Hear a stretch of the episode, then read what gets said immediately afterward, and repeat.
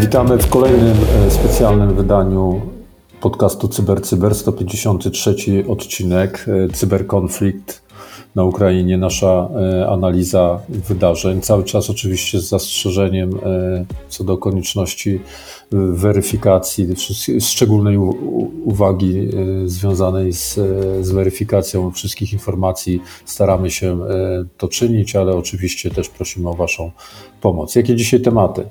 Roskosmos dementuje informacje o atakach. Anonymous Ukraina atakują instytucje w Chinach. Wyciek danych prokuratorów rosyjskich. Kolejne cybersankcje. Plany wojskowe w sieci. Możliwe poważne ataki DDoS. Czy będzie rosyjski e, deepfake prezydenta Zaleńskiego? Pomoc Bit e, Defendera i rumuńskiego National Cyber Security Directorate i Cisert Mon e, ostrzega przed e, nowym wiperem. Okej, okay, rzeczywiście mm, taki mamy plan, więc zacznę ja pierwszy. Mówiliśmy wam wczoraj o tym, że agencja Roskosmos została zaatakowana i zhakowana z możliwością przejęcia satelit. E, odezwał się właśnie w tej sprawie mm, prowadzący, stojący na czele tej agencji generał, który stwierdził, że nic takiego nie miało miejsca, że anonimusi oszukują, są drobnymi oszustami. E, natomiast, co ciekawe, stwierdził, że każde włamania będą traktowane jako usprawiedliwienie wojny, więc e, jednocześnie zagroził i pokazał, że faktycznie coś się działo, moim zdaniem, w tych e, rosyjskich serwerach Roskosmosu, ale zresztą bardzo podobna sytuacja jest teraz, bo teraz dochodzą do nas informacje dokładnie sprzed kilku godzin, że został zaatakowany i zablokowany, tylko nie wiemy tak naprawdę, czy to atak DDoS, czy być może jakieś rzeczywiście wejście na serwery już do środka i do wnętrza organizacji, agencja rosyjska Rosatom, zajmująca się energetyką nuklearną. E, także też czekamy, jeżeli będziemy mieli kolejne informacje na ten temat, na pewno będziemy Was informować, natomiast tutaj Rosjanie dementują, że Roskosmos został zhakowany. No, kolejna informacja to jest e, o e, potencjalnych atakach e, Anonymous, grup Anonymous na instytucje w Chinach. To oczywiście jest ciekawe z punktu widzenia prób włączania w wojnę innych państw. I tutaj są informacje przekazane przez Anonymous Ukraina że Chinese State Administration for Science i Technology and Industry for National Defense, te instytucje zostały zhakowane, no jakby puszczone są tutaj no, jakieś rzuty ekranu, które trudno powiedzieć, że to potwierdzają, więc tutaj też e, kolejny jakby alert, czyli czerwona lampka co do traktowania wiarygodności e, tej informacji. Niemniej jednak no jakby zdecydowaliśmy się o tym powiedzieć dwa słowa ze względu na to, e, że cały czas tutaj powtarzamy również informacje o tym bardzo, bardzo istotnym zagrożeniu naszym zdaniem, jakim jest to, że tak naprawdę ta e, wojna w cyberprzestrzeni no, może się na dobre rozpętać dopiero, e, dopiero, że te rzeczy mogą nastąpić i niestety one być może nawet w większym stopniu będą dotyczyły innych krajów niż te, które w tej chwili bezpośrednio biorą udział w wojnie, czyli Federacji Rosyjskiej i e, Ukrainy, więc w szczególny sposób jakby zwracamy uwagę na tego typu wydarzenia. Kolejnym tematem, który poruszamy, jest kwestia, którą również podają różnego rodzaju konta anonimowych. Mamy tutaj do czynienia z informacją, że zostały wykradzione dane prokuratorów wojskowych z Wojskowego Południowego Okręgu mm, Rosyjskiego. I tutaj pojawiają się różnego rodzaju koncepcje, to można poczytać sobie w komentarzach na temat tego, że można przeprowadzać różnego rodzaju ataki na te osoby, ale nie chodzi tutaj nawet o ataki same hakerskie, co różnego rodzaju y, pranki, spoofing y, i tym podobne rzeczy, które mm, zalecają anonimusi, że można sobie spróbować zrobić z wojskowymi prokuratorami rosyjskimi. Mm, na pewno wyciekły jakieś dane, są tam numery różnego rodzaju kont, czy to mailowych, są numer telefonów, dane osobowe, w związku z tym można y, coś z tym rzeczywiście zrobić. Natomiast, y, jak mówię, my nie zachęcamy do tego, żeby robić to wszystko na własną rękę. Samo środowisko być może potrafi to zgrać i zadziałać dużo mm, sprawniej niż my, amatorzy, którzy będziemy się w to angażować. Mm, Kolejne informacje o czymś, co sobie tutaj umownie nazywamy cybersankcjami, czyli kolejne instytucje w wyraźny sposób mówią, że nie chcą mieć nic do czynienia, jeżeli chodzi o świadczenie swoich usług, sprzedaż swoich produktów e, na terenie e, Federacji Rosyjskiej. Tutaj taką informację przekazał e, ORAK, taką informację również przekazał serwis Spotify. No, chciałem też dwa słowa powiedzieć na temat tego, co się dzieje, jeżeli chodzi o YouTube, bo właściwie od samego początku przede wszystkim słyszymy informacje o tym, że YouTube wstrzymuje dostęp do zarówno możliwości zarabiania, ale to jest jakby mała sprawa, ale, ale również blokuje po prostu dostęp do propagandowych e, rosyjskich kanałów na YouTubie. W którymś momencie pojawiła się informacja o tym, że YouTube jest z drugiej strony jakby zblokowany, to znaczy przez władze rosyjskie dostęp do e, YouTube'a. Myślę, że ta, ja potwierdzenia tej informacji nie widziałem. Sprawdzenie sieciowe dostępności serwisów YouTube'a z różnych miejsc na świecie nie wskazuje na to. Wygląda na to, że on nadal jest dostępny e, z obszaru Federacji Rosyjskiej. E, najprawdopodobniej właśnie jest to ograniczone do blokowania dostępu do tych kanałów, które są zidentyfikowane jako e, propaganda E, Kremla i tak to w tej chwili e, wygląda, chociaż oczywiście tutaj przy tej eskalacji, z którą obserwujemy, możemy za chwilę się spodziewać e, kolejnych kroków, które co chwilę w jakiś sposób tam podejmują mniej lub bardziej zasadnicze tak zwani internetowi giganci. Kolejną informacją, którą chcemy Wam przekazać, jest tak naprawdę kwestia wycieku dokumentów wojskowych, która pojawiła się w sieci, ale jeszcze zanim o tym chciałem nawiązać tutaj do Mirka i do pewnych blokad, które występują w takich bardziej rozrywkowych serwisach. Jest rzeczywiście tak, że na pewnych grach, na platformach gry online, w tak popularnych dość strzelankach, rzeczywiście w wielu miejscach odcięto dostęp dla rosyjskich graczy.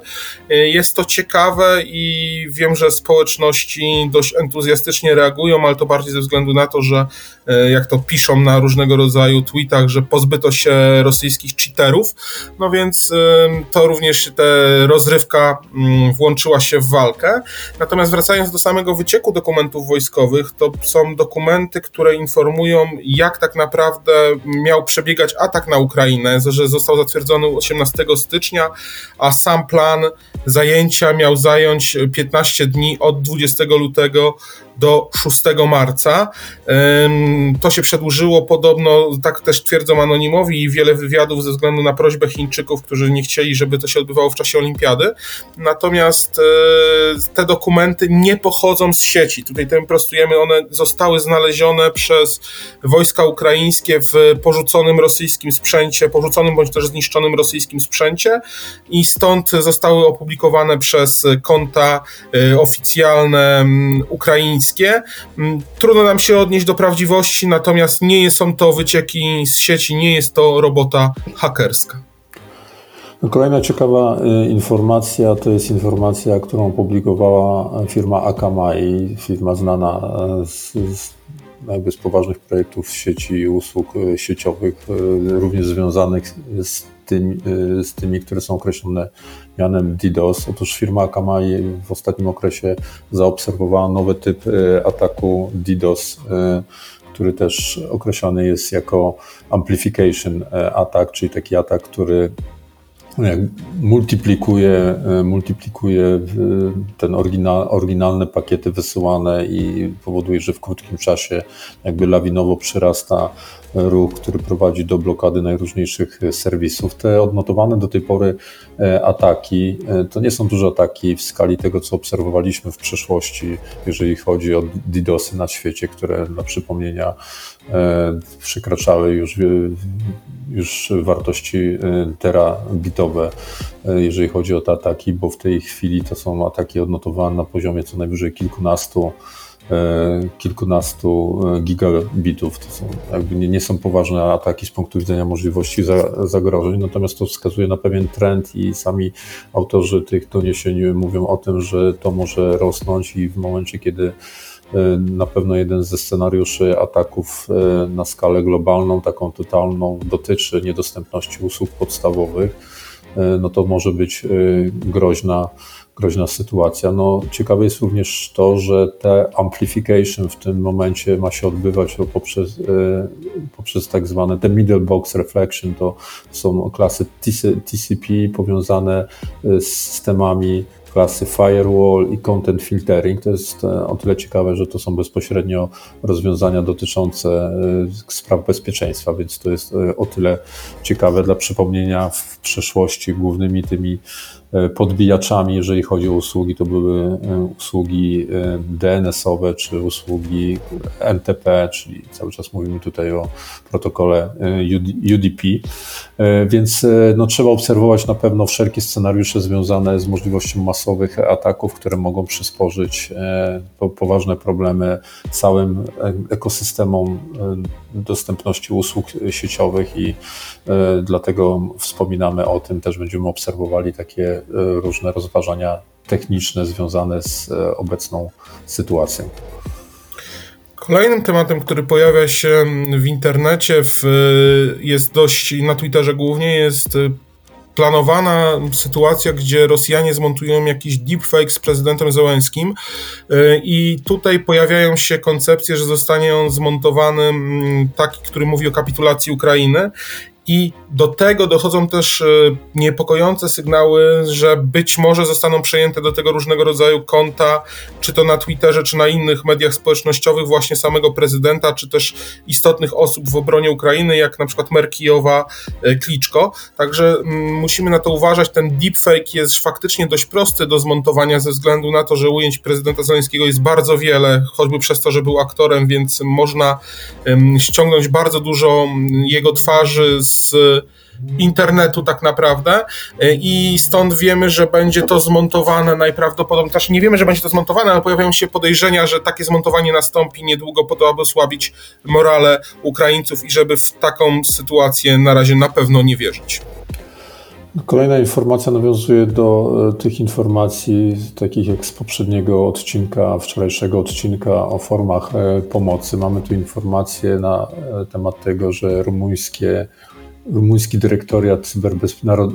Cyberbezpieczeństwa, Narodowy Dyrektoriat Cyberbezpieczeństwa wraz z firmą Bitdefender otworzyły, że tak określę to, linię pomocową dla wszystkich instytucji, firm, właśnie instytucji rządowych z Ukrainy, jak również w ogóle dla obywateli Ukrainy, jeżeli chodzi o możliwość dostarczenia usług z obszaru cyberbezpieczeństwa, wsparcia również e, technicznego, konsultingowego e, czy threat intelligence e, w, w, tym obszarze. No i to taki pozytywny przykład tego, co można e, zrobić. Również w ujęciu, jak tutaj widzimy, tak zwanego PPP, czyli Public-Private Partnership. Na koniec też informacje, co się dzieje jakby tutaj w polskiej przestrzeni internetowej. My cały czas bardzo, staramy się bardzo dokładnie to śledzić, w szczególności jeśli chodzi o to, co nasze instytucje z Krajowego Systemu Cyberbezpieczeństwa formalnie powołane do działań najróżniejszego rodzaju związanych z obroną polskiej cyberprzestrzeni robią. Tych informacji nie ma dużo. My w tej chwili jakby nie podejmujemy się oceny tej, sytuacji, dlatego że zakładamy, że część z nich wcale nie musi być jawna i podawana e, publicznie. Nie wiemy tego po prostu. Myślę, że miejmy nadzieję, że będzie taki moment, w którym e, taka analiza dokona, będzie też możliwa tego, jak ta koordynacja się odbywała. Natomiast no, tutaj zwracamy uwagę w tej chwili i zachęcamy do zapoznania się z informacją publikowaną przez jeden z CISERTów krajowych, czyli e, CISERT Ministerstwa Obrony Narodowej, informacje dotyczące zagrożenia Hermetic Wiper. Wiadomo, że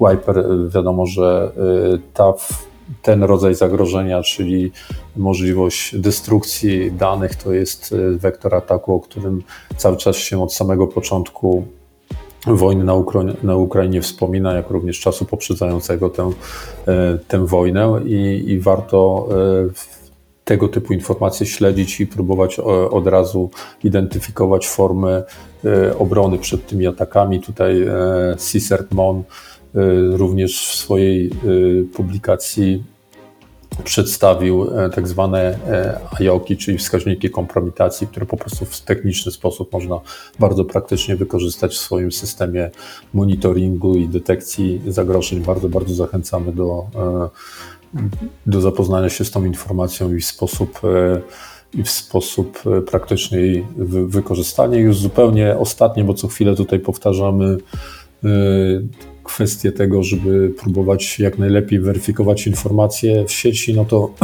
tutaj podziękowania dla kolegów z Niebezpiecznika, którzy umieścili specjalny materiał na ten temat, e, film, w którym mówią o tym, jakie są podstawowe zasady dotyczące e, tego, żeby się nie dać na- nabrać e, w sieci. No w sytuacji kryzysowej pewnie nie wszystko można dokładnie punkt po punkcie przeanalizować, stąd, e, stąd tutaj pewnie jest potencjalnie sporo błędów, no ale materiały edukacyjne bardzo dobre, więc zachęcamy do tego, żeby również z tym się zapoznać.